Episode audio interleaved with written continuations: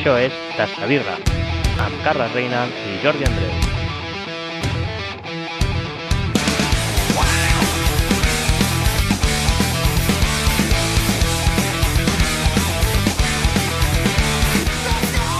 Hola, hola, hola, benvinguts a Tastavirra, Tastavirra Podcast, programa número 16 ja, eh? Sí, sí, sí, qui ho havia de dir? Com estàs aquesta setmana, reina? Bé, bé, bé, ja fase 2, que vol dir que pots fer el mateix que la fase 1, però amb menys remordiments.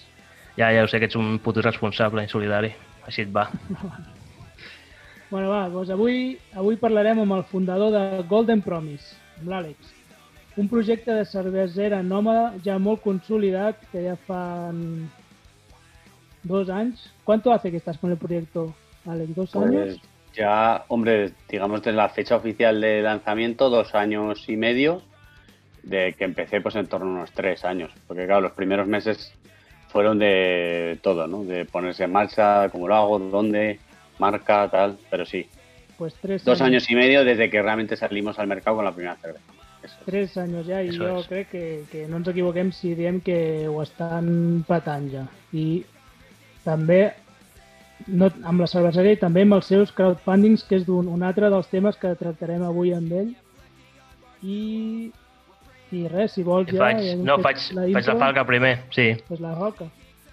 Aquest programa està patrocinat per Aventura Beer Company, una cervesera nòmada terrassenca amb voluntat de revolucionar el panorama de la ciutat, amb gustos i experiències sorprenents. Cada cervesa és una aventura que no et deixarà indiferent. Demana-la a través d'Instagram o les millors botigues i bars de Terrassa. Tria la teva aventura preferida. I recordeu les xarxes socials, subscriviu-vos al YouTube, que allà trobareu els nostres millors vídeos i els que hem fet nosaltres també. Y re- ah, gracias Alex por este ratito con nosotros. ¿Cómo estás? Bien, muy bien. Me, me gusta ese nombre, el de aventura, porque desde luego esto es, esto de la cerveza es una Aventura. aventura absoluta. total. o sea, con todos los, yo me voy a cambiar el nombre a, a Indiana Brewing Jones, porque esto es una locura. Estamos todo el día sorteando todo tipo de peligros y lo último ya era una pandemia que eso no, nadie se, en fin. Justo Eh, cuando esto había el movimiento de ferias y todo, la pandemia. Este, sí, sí, bueno, y en mi caso, que estaba, eh, eh, como habéis dicho al principio, llevo dos años y medio, tres, o sea, dos años y medio en, digamos, eh, lo que es con las cervezas ahí en el mercado y dando caña, tres ya desde que, digamos, empezamos a dar los primeros pasos para poner esto en marcha y, y justo este año eh, te puedo decir que estábamos dando unos pasos muy importantes eh, hacia la consolidación más real, que es la económica, o sea, la que dices, bueno, pues ahora ya puedo eh, entrar al banco sin que me, me quieran eh, arrestar. ¿no? Entonces, Sí que te miren más, pues ¿no? eso, el- ya la pandemia, o sea, es como, no, no puede ser, ¿qué más, qué más? Pero bueno, o sea que sí, es una aventura en toda regla, así que buen, buen patrocinador tenéis, desde luego. Vale. Bueno, nos, nos gustaría enfocar esta entrevista y intentar transmitir tu idea de cerveza nómada a los cuatro gatos que nos escuchan. Sí, vale, eso es, pues es yo lo de cervecero, sí, sí, eh, bueno, perdón, yo darme paso cuando... No, no, No, que es un punto importante porque hace tiempo que te conozco y te sigo la pista por las redes y la verdad es que, que no, conozco pocos nómadas que se muevan más que tú y eso me parece muy guay de explicar y que lo puedas contar cómo te lo haces y, y por qué no paras quieto nunca. Entonces, Vale, bueno, lo de no parar poco- quieto es, es, es, es un problema que tengo yo de, de base, o sea, interior. Me afecta, haga lo que haga. Entonces, eh, es, es bueno y malo. ¿no? Pero eh, también viene un poco, tan- eh, todo lo, lo que has dicho viene también muy relacionado con mi formación previa y, y mi experiencia profesional, que en realidad tiene que ver más con el mundo creativo, del marketing, de la comunicación, de, en fin. Entonces, digamos que por eso quizá la percepción que se tiene de Golden Promise también desde fuera es de una marca o de que o- o eso como dices tú, de alguien que se mueve mucho.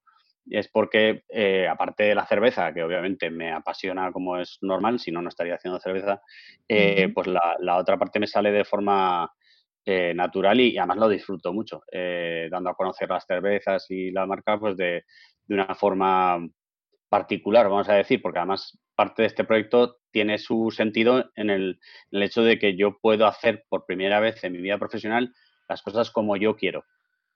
No sé si me Vale. entiendes. No solo la cerveza la hago como yo quiero, que, que yo los estilos los conozco y demás, pero cada... Sin tener nadie por encima que te diga, haz esto así. Sin tener que explicarle a alguien por qué una idea va a ser buena. Este, porque eso ha sido una cosa que me ha matado durante mucho tiempo. Entonces, aquí las decisiones de marketing, de contenido, de imagen, de todo, las tomo yo. Y para bien y para mal, ¿eh? que, no, que hay veces que me equivoco y me, y me meto la pata y otras no, pero es que si no, no puedo aprender. bueno, pero es, que si te equivocas, te equivocas tú con, con tu marca, ¿no? Entonces también forma parte del aprendizaje. Al final. Eso es. Pero es que además es que si no, no se aprende. O sea, no se aprende. y eso es para mí fundamental. Yo procuro siempre añadir conocimiento a cada paso de cosas que no sé, que hay un montón de cosas que no tengo ni idea. Y, y esa es parte de la, incluso de la parte interesante del proyecto también, que hay muchas cosas por hacer. Entonces, eh, porque si esto fuera ya Sota Cayo Rey, pues yo ya me habría dedicado a otra cosa.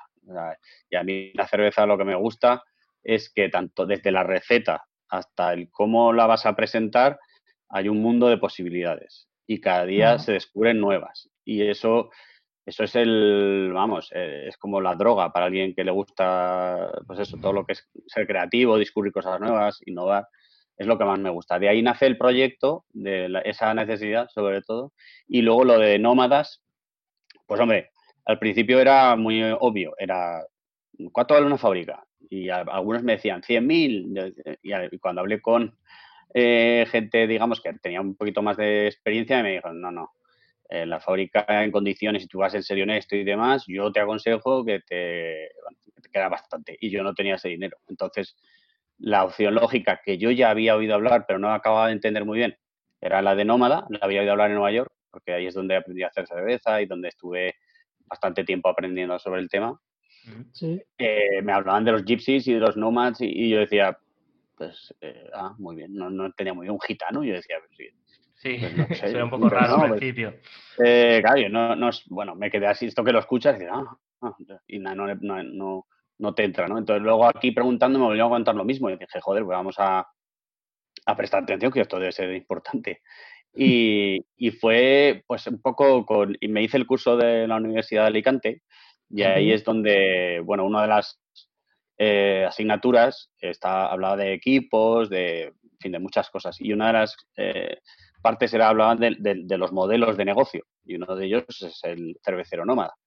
Entonces, obviamente, para la apuesta que supone empezar esto, la aventura, pues, y que no somos ricos ninguno, porque si fuéramos ricos estaríamos comprando la cerveza por internet y ya está. No, Exacto. Claro. Eh, pues, el, pues era lo de ser nómada. Entonces, me informé más todavía, eh, hablé con, con toda la gente que pude. En su momento fue Boris de Mesones, la persona que más, bueno, que se cruzó en mi camino por el curso y antes del curso. O sea, me lo recomendaron en Nueva York. ojo, cuidado.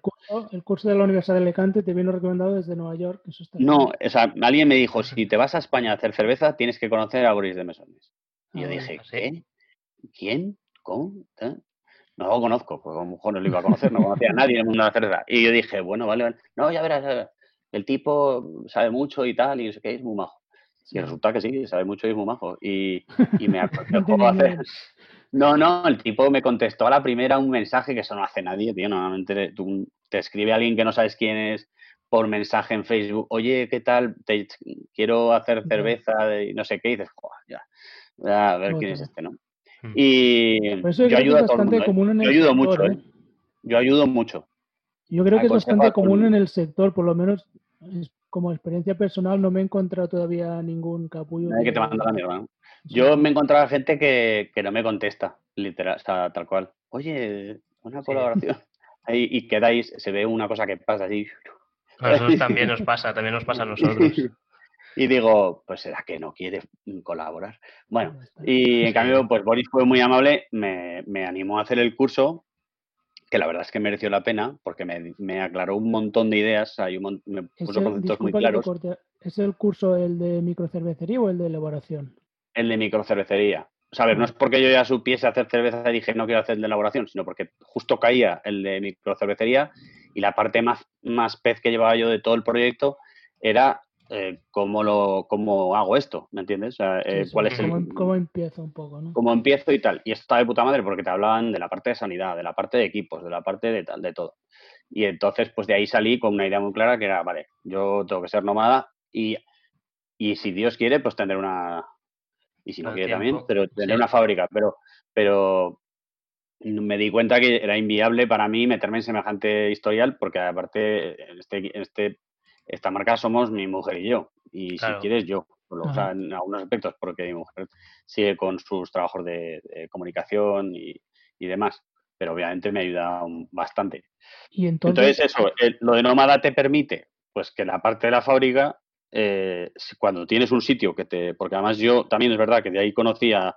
mm, lo siguiente fue conocer a Jacob de Cervezas La Chula en Madrid sí. y, y la relación que tenemos ahora, yo diría que es profesional, pero también personal, somos muy amigos, yo le aprecio un montón y, y no he tenido. Ha sido. he tenido mucha suerte en ese sentido, porque eh, tanto con Boris como con Jacob me han ayudado un montón, me han aconsejado un- todo, o sea, siempre, y me han guiado y, y luego pues eh, yo ya tengo una, una para mí es una baza segura, yo ya sé cómo salen mis cervezas en esa fábrica y entonces siempre que voy con una receta nueva, yo ya los parámetros los tengo ya más o menos pillados, ya no, ya no me tengo que volver loco porque si me cambio de equipo no tengo, es otra vez, eh, ya sabes, o sea, es- es nuevo, volver sí, a calibrar y tal y a ver y no sé qué y tal. Entonces yo en ese sentido tengo bastante, bastante ganado ya. Y entonces, una, una vez tú ya haces el curso, tienes claro que, que, que quieres ser cervecero nómada, ¿dónde pones tu foco de, de- de esfuerzos o de, A ver, yo antes de llegar a eso, mi primer foco era aprender a hacer cerveza y, y hacer cerveza en casa que dijese, esta cerveza me la compraría en un bar. Ese fue mi primer, y me pegué, pues no sé, igual un año y medio haciendo cerveza cada semana. O sea, Ajá. tenía, cer- tenía cerveza por casa, tenía botellines, tío. O sea, era una, era una locura. Y tenía, y tenía Eras, amigos. les eras el rey, eras el rey del barrio en ese momento, ¿eh? Porque... Sí, de, de Queens. para- pero, y, y- esto- no, no, sí, sí, no, para bromas. Eh, o sea, además, la tienda donde compraba los- todos los insumos estaba en Brooklyn, era una hora y pico ir hasta allá en el metro y volver. Joder. Entonces, era, o sea, cada fin de semana era ir, tal, llevarles cerveza, que porque llegó un momento que yo tenía cerveza lista para tomar, embotellaba y elaboraba el mismo fin de semana, ¿no? Entonces, Joder. Llevaba botellines ahí, probábamos, le decía al tipo, ¿cómo lo ves? Pues esto creo que le falta más de aquí, ¿qué hiciste tal? ¿Y cómo lo hiciste? No, cuánto, tal. Así, entonces le decía, va, pues me llevo otra vez la receta, no sé qué, pues cámbiale esto, otro, hazlo así, no sé, va, pum. Y me largaba. Y luego el lunes el trabajo, les llevaba a la gente del trabajo en plan six pack y ellos me ayudaban con, lo, con el gasto de los del, del, la- del- joder, los ingredientes. Yo decía, con los ingredientes yo, yo os doy la cerveza y tal. Y ellos me traían los botellines vacíos. Y entonces estábamos así, era un flujo. Una Había cadena. gente que sí, sí, había gente que pensaba ahí en la redacción que, que había algún tipo de, no sé, de, de fiesta constante, porque y yo iba dejando botellas llenas y en, y en mi sitio había como montañas de, de, de six packs vacíos. Sí, sí, que yo me llevaba a casa para lim- limpiar, desinfectar y tal, la movida y tal. En fin. Y eso, eso, pues, eso me, me- me- estuve ahí pa, pa, pa, hasta que dije, y de hecho esas cervezas las probaron, eh, estaba acojonado, imagínate, eh, Boris, Jacob y más gente. En plan, ¿Qué piensas, Tom? Eh, y esto que me decían, joder, ¿y cómo lo has hecho? Y yo, pues así, así, pero claro, eh, aún así, ¿no? Pero entonces después de eso, homebrewer, homebrewer de cocina de casa. claro. Claro, Claro. joder, pero de una olla, lo de Nueva York era una olla de aluminio, ¿eh? Mm. así de grande, que compré en un, ahí son hindús, aquí son chinos, ahí son hindús. Mm. Una así gigante, tenía un, un cooler de estos de también enorme, de tipo Gatorade de estos con una espita abajo, Sí, o sea, con falso sí. fondo y demás, que cabían ahí 20 litros, no sé cuánto cabía ahí, y eso era para macerar. Y, eh, y, y dos fermentadores de, de, de plástico, tío. Que los tengo Hostia. todavía, los guardo y hago ahí Ah, sí, te cosilla. Ahora tengo ya juntos. un... Sí, no, me traje... No me pude traer, traer toda esa historia, era imposible, era una pena, pero tuve que tirar, tío. Aquí me compré una Grainfather para, para ocuparme el espacio y, y sobre todo para controlar un poquito mejor la temperatura durante el macerado y de meter menos cosas y luego un, un fermentador de, de SS Brute, que la verdad es que está muy bien, un tronco cónico así de acero inoxidable, que se nota, se nota.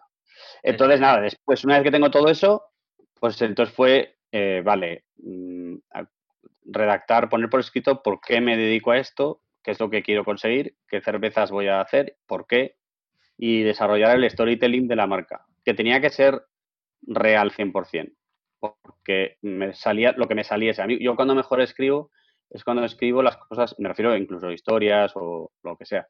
Cuando escribo, digamos, hay veces que casi sin pensar, solo con una idea en la cabeza. Entonces, la historia la voy, escribir, la voy descubriendo conforme la escribo. Entonces, en este caso dije, bueno, voy a escribir todo lo que me salga sobre esta marca, esta cosa que quiero hacer y por qué la hago. Y con eso empezamos. Luego ya pues contacté con, obviamente, busqué gente que, diseñadores eh, pues buenos, eh, me gasté dinero en fotografía, en, todas esas cosas que sé que son para mí son importantes. Eh, quería que... más viniendo del mundo de la comunicación, es algo que también habías mamado mucho antes. Sí, entonces es un gasto que, en el que no escatime, la verdad, y no escatimo. también es verdad que hago lo que puedo con lo que tengo. Trato de sacar más de lo poco que tengo que, al revés, ¿no? Y, siempre me gasto un poco más de lo que al principio estaba pensado porque se me ocurre un, algo más lo que, debería. hacer y, es como, venga, ya, sacaré el dinero a algún lado. Pero un poco eso. Y entonces, eh, bueno, esa ha sido la, forma de hacer, eh, sacar recetas. En principio, eh, bueno, siempre tienen que tener un porqué, un cuándo, un cómo y un cuánto también pero porque hay muchas recetas que no he sacado, pues porque no se ha podido, no se ha dado el momento. Y luego cada una ha tenido su, su sentido y su, y su aquel. Y, bueno, y entre medias ha habido crowdfundings, que ya lo sabes tú. Estamos en el tercero. Sí. Bueno, eh, también hemos visto que haces catas y maridajes. Ah, ¿Cómo te dio por ahí? Bueno, lo de las catas parecía que, era, que es algo, es como lo más, eh, el momento en el que uno hace cerveza, empieza a hacer catas te conviertes en showman.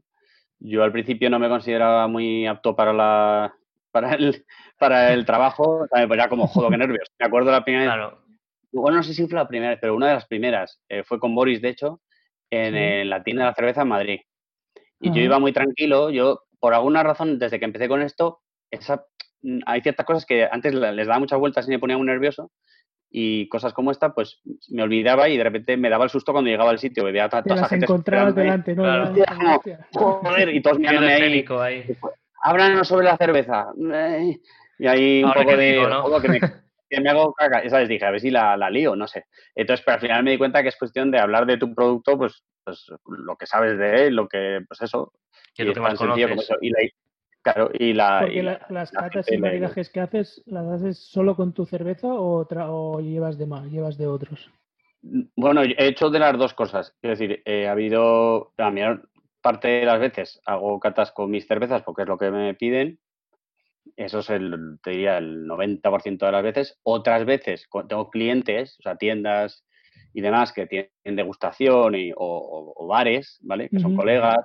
Y entonces me dicen, oye, que pues yo qué sé, queremos hacer una cata y tal y queremos poner una de tus cervezas, pero y queríamos poner también esta, esta, esta. ¿La puedes hacer tú? Pues la hago yo. Yo he hecho, por ejemplo, eh, pues, hice una cata, por ejemplo, solo de la sichetana, la hice yo. Ah, sí. Eh, sí, sí, porque, bueno, eso fue una historia, te voy a contar algún día. Eh, supuestamente él tenía que venir un día, yo le dije otro, y entonces al final, menos mal que no nos dimos cuenta, porque hubiera venido la gente a la cata y no hubiera habido, Marcos no habría estado ahí. Entonces estuve yo. Eh, y di la cata yo, la gente encantada, les encantó las cervezas y se fue todo el mundo muy contento. O sea que he hecho de todo, yo no tengo, eso no me cuesta nada, al revés. Aplico el mismo, el mismo cariño a todo en ese sentido. Porque aparte también he descubierto que me lo paso bastante bien. que al final es lo que cuenta, ¿no? Al final lo que busca la gente es pasárselo bien y sentirse realizado. Es un entretenimiento. claro, es como cuando vas a un restaurante pues, eh, pues vas a que no solo vas a porque tienes hambre, claro. Eh, tienes hambre, pero aparte vas a que te sirvan a comer, a comer algo. La experiencia, sí. Y a disfrutar, entonces es eso. Hmm. Más cosas. Muy bien. Más cosas, a ver. Eh, bueno, ahora crowdfunding, tema crowdfunding. A ver, ya vas por el tercero. ¿Cómo, ya no tanto el tercero, que ya, ya vas más rodado, pero el primero, ¿cómo se te ocurre hacer un crowdfunding y, por qué tú piensas que funciona tan bien? A ver, el crowdfunding yo le vi, todo surgió porque dije, coño, vamos a cumplir un año dentro de unos meses y tengo que pensar cómo lo vamos a celebrar, porque es, algo para celebrar. Y entonces, eh, ya, eh, además de decirlo, y de repente en Facebook me sale, me salió un anuncio de Malta Simpsons centeno rojo. Y, dije, coño, y era como una señal, dije, entonces dije, quiero centeno rojo. ¿sabes? ¿Cómo La señal de Facebook. Ahí, ahí, ahí, centeno rojo es tu amigo, es tu amigo y tal. Y yo dije, pero loco. Entonces compré centeno rojo, que era centeno caramelo, y empecé con una receta que al final es la American Dream. Y sabía que quería centeno además, es que te digo, me debió escuchar el, el cabrón de Zuckerberg, pero bueno, lo hizo bien, lo hizo bien. Porque la Best, la Best Secret eh, tuvo mucho éxito. Cuando la saqué, salió súper rápido. El, primer lote, hice un segundo, luego un tercero y tal, ¿no? Entonces dije, bueno, el centeno es mi amigo, está claro. Y, entonces, bueno, surgió esto y me puse a trabajar una receta que tenía que tener centeno, porque el centeno iba, estaba, estaba gustando, se me daba bien pero tenía que ser diferente. Entonces dije, rojo ya es diferente, ya hemos cambiado algo. Y luego, pues bueno, la receta lleva, lleva más cosas diferentes, entre los cryo la levadura que, que, usé en aquel momento, que era una levadura orgánica que te mandaban desde Oregón, macho, que venían los 23 litros fríos en tres días por FedEx y costaban, pues lo que no te voy a contar, pero el del BBVA se lo sabe. Eh, por eso no te quieren ver en el banco, ¿no? no, me, quieren ver. Bueno, me quieren ver cada mes. la levadura. Y sí, que les dije, los tipos eran súper encantadores. ¿Qué tal? Muy bien. Dice, pues cuando quieras te mandamos más. Hasta, luego. dije, ya, pues ya hablaremos. o sea, era seis veces más que la levadura normal. Eh, pero bueno, pero mereció la pena, ¿eh? ese primer lote fue espectacular. Y entonces yo quería hacer algo también más, ¿no? Algo que quedase, algo que a la gente le molase. Y fue la botella, que creo que conocéis, eh, la de 75, esta que lleva detalles en oro y tal. Sí. Mm. Eso, como siempre, me costó discutir con un montón de gente que me decían, no lo hagas con oro. Y yo decía, pues que quiero que sea la polla, o sea, ¿pero para qué? Nadie lo va a apreciar. Digo, pero lo sé yo, o sea, no sé cómo... Yo quiero que lleve oro. o sea, que sí que sí. Como soy gypsy, como soy gypsy, claro. entonces me va el oro, lo, lo donamos. Golden, me todo también. Es, es, que no lo pilláis nadie, tío. Entonces, eh, la verdad, os cuento la verdad, eh, iba a llevar oro. Luego me convencieron para que no. Lo presupuestamos sin el oro. Era con un eh, símil de oro. Eh, estaban las, las o sea, sí iban a hacer la, y, de repente cuando el, tipo era una empresa de, creo que de Barcelona, no me hago mucho claro, pero creo de Barcelona. El comercial que cada día descubría algo nuevo sobre su trabajo, me decía, hostia, me he confundido y no te he presupuestado no sé qué. Y yo decía, cabrón, pues y ahora valen las botellas no sé cuánto, joder. Y yo, bueno, nada, va, que te he dicho que voy a hacer las botellas. Y entonces de repente me dice, oye, es que nos hemos dado cuenta ahora que tengo el... Esto ya después de anunciarlo, ¿eh? Que después de, cuando con el esto, que, que cuando lo hagamos con el símil oro, eh, la pintura se desparrama y no, y no se va a ver nada del, de la total libertad. Digo, ¿pero qué me estás contando, tío? Digo, que digo, que ya he vendido 50 botellas, no sé cuánto. Y le digo, ¿y qué hacemos? Ya lo podemos hacer en Digo, pues en oro, cojones. Y también lo hicimos en oro. Eh, y me costaron, pues eso, su, no su peso en oro, pero vamos. Y, por eso acabaron siendo de oro, que era la idea inicial. O sea que, pero eh, este que se llamaba Josep, eh, esta era la tercera vez que me, o la cuarta, que me, que me cambiaba el presupuesto, me cambiaba algo, una semana antes, y me dice, me, digo, oye, va a llegar las botellas ahora, y te, eh, pues es que te llamaba porque nos hemos dado cuenta eh, que, es que le tenemos que quitar un color. Y digo, ¿pero qué me estás contando? Y yo iba en coche y aparqué y le dije, vamos a ver, Josep, me puse así, por el amor de Dios, ¿cómo vamos a hacer esta botella? me he hecho llorar. La suerte, la suerte era que tenían unos detalles en azul y dije, quita el azul, hazlo ya Está. Haz loco. Digo, ¿se puede? ¿Se van a hacer o no? Digo, y tal, pero bueno, al final hay unas botellas que te cagas. Y, no, sí, eh, bueno, eh, que ahí quedaron para, para, siempre. Y eso se hizo con el crowdfunding. Ese crowdfunding fue la cosa más dura que he hecho en mi vida, te lo puedo garantizar. O sea, no hay. Más dura, has dicho, más dura. De, de venta. Es que tienes que estar, pues, todos los días. Y encima lo hice de 60 días. ojo, o sea, 60 días.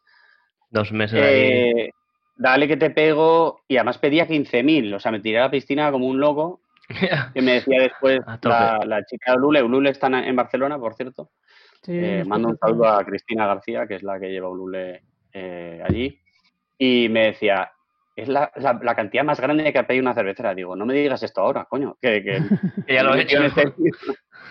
y entonces, pero la verdad es que, eh, bueno, a ver, había que insistir, estar ahí todo el día, contando a la gente, contactando con, con medios de comunicación, oye, cuéntale a la gente lo de mi crowdfunding, por favor, y tal, y al final se, se consiguió, pero las pasé, hubo momentos que dije, hostia, que no lo consigo. y si no lo consigues, pues no, no cobras nada, se devuelve No el dinero. nada, al final el, trabajo del crowdfunding es la difusión que tú Eh, puedes hacer de, de eso. ¿no? Claro. Y entonces, para lo que sirve el crowdfunding, yo lo utilicé primero como una, como una. Primero, o sea, dije, vale, el dinero me vendrá bien, pero lo- ya estaba, o sea, la cerveza ya se estaba haciendo y las botellas ya se estaban haciendo. Es decir, Eso sí que ya. yo ya me lo Ya- ya, gastaba. ya estaba pero- gastado, sí. Claro, entonces dije, bueno, pues igual con esto, aparte de recuperar y tal, sobre todo lo que tengo es una campaña de marketing que te cagas de 60 días. Pero claro, eres tú el que se la curra. Estás tú solo y tienes que currártelo tú cada día para que Sí, salga eso. Entonces, eh, bueno, es, ya te digo, eh, duro, pero también aprendes un montón, descubres qué impacto está teniendo tu marca, cómo recibe la gente eh, tu mensaje o lo que le estás contando, si les llega, si les importa, porque también, al fin y al cabo, cuando hablamos de cerveza hablamos también de marcas. Eh, la gente con lo que se queda sobre todo, en, y me refiero al público en general, es con la marca, con lo que le ofreces y cómo se lo ofreces. Sí. Es decir, la cerveza después tiene que estar muy mala para que... si, si es una marca que le caes bien, que, que, no sé, que tienes una, una serie de cosas con las que conectas con la gente, Ujú. eh, si encima la cerveza está buena, es la hostia ya. O sea, Sí, la sí. gente entonces ya te... te- y, y bueno, pues a mí ahí me, me sorprendió que mucha gente, porque a mí me compra mucha gente que no es cervecera, digamos, al, como nosotros, vamos a decirlo Sí. así, Sí. y yo les estaba vendiendo una, una Red Rye eh, IPA, ¿sabes? Que era como... Que eso es como si le vendes, no sé, y decía, madre mía, se van a con asustar. una todo". botella hecha. Se van a asustar, ¿no? Cuando lo abran. cuando la pruebe me van a decir, joder, vaya, no, pues ya te digo, respondieron, la gente respondió de maravilla, eh, sobre todo en Zaragoza, la verdad es que tengo bastante apoyo, pero luego también Madrid, Barcelona, son dos de los sitios, en realidad Cataluña, Madrid y Andalucía, tío. Son las tres zonas, después de Aragón, que tengo apar- casi, además se, se pelean, o sea, hay que decir, ahí no está muy lejos de Aragón en, en cuanto a, a gente que me sigue. Sí, no, no, depende de lo que sea, yo veo estadísticas y a veces está Cataluña arriba, o Madrid, o, en- o Andalucía, pero están todos muy, muy a la par. Y, y entonces también descubres esas cosas, ¿no? Eh, porque era la primera vez que hacía un- una cosa así y tienes datos para ver quién realmente se interesa por tu cerveza, quién El la compra, quién, a dónde va. tu marca está bien. está Eso bien. es. Y, y fue, y a la gente sobre todo me- eh, le gustó mucho, eh, además me lo decían mucho, le gustaba mucho el mensaje porque queríamos hacer un homenaje al espíritu emprendedor. Eh, pusimos, eh, había un concurso para que otros emprendedores se llevasen un 10%, eh, que Sí. eso a la gente le encantó, pero no se Claro. presentó ningún emprendedor.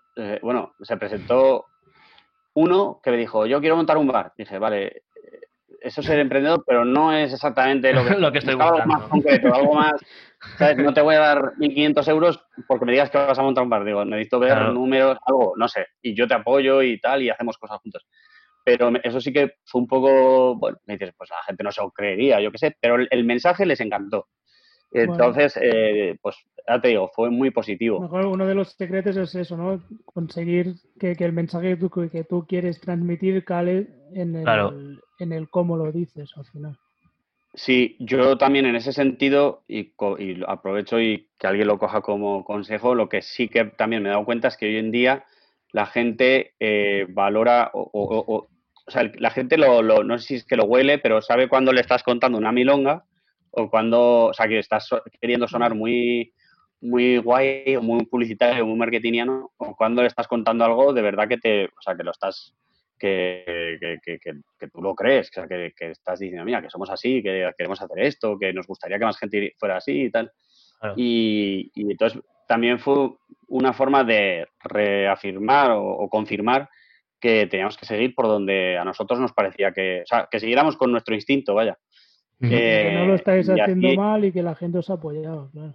Claro, yo y todo el mundo, y no quiere decir que la gente, que todo el mundo tenga que hacer lo que hago yo ni nada, sino que si tú haces cerveza por lo que sea o tu motivo es tal, que esté, que se sepa, o sea, que se vea y que se, y que se, porque habrá gente que, que conectará contigo, porque dirá, "Hostia, soy como tú. Y entonces Claro. ahí a esa gente, eh, pues es más fácil que se conviertan en seguidores tuyos y defensores y, y promotores. ¿sabes? Que es lo, lo que Mm. cuesta al fin y al cabo, ¿no? La gente se enganche a tu Sí. producto y sea algo regular, ¿no? Que... Es que con el tema de las marcas y, y los, ya te digo, el producto después eh, obviamente tiene que responder a unas, unas, a unas expectativas de calidad, de tal, etcétera. Eso por descontado. Pero lo primero es que, eh, que sepan, que entiendan quién eres tú, de qué vas y por qué y todas esas cosas.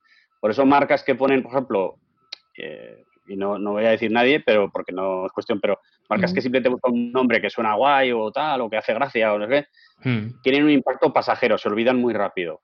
Eh, porque después no hay nada detrás que lo soporte. Es decir, yo si pongo un nombre que fuera, pues eso, muy, muy llamativo, pero luego, ¿y qué significa? Ah, no sé, me pareció de puta madre. Divertido y ya está. Le, falta alma, le falta una pata ahí para, Me falta el fondo. Y aparte te digo, ¿eh? si haces las cosas así, es decir, como tú quieres, desde tal, se disfruta mucho más, eh, muchísimo más. Porque yo, quitando todo lo que pueda, todos los mm, momentos así jodidos, que hay muchos, eh, y, todo lo que pueda pasar, yo no cambiaría esto por nada. Y he trabajado de muchas cosas y viviendo mucho más tranquilo, pero es que la... Y mi mujer me dice a veces, ¿por qué? Pues déjalo, coño. Y digo, no quiero, no quiero, no quiero trabajar para nadie, quiero hacer esto.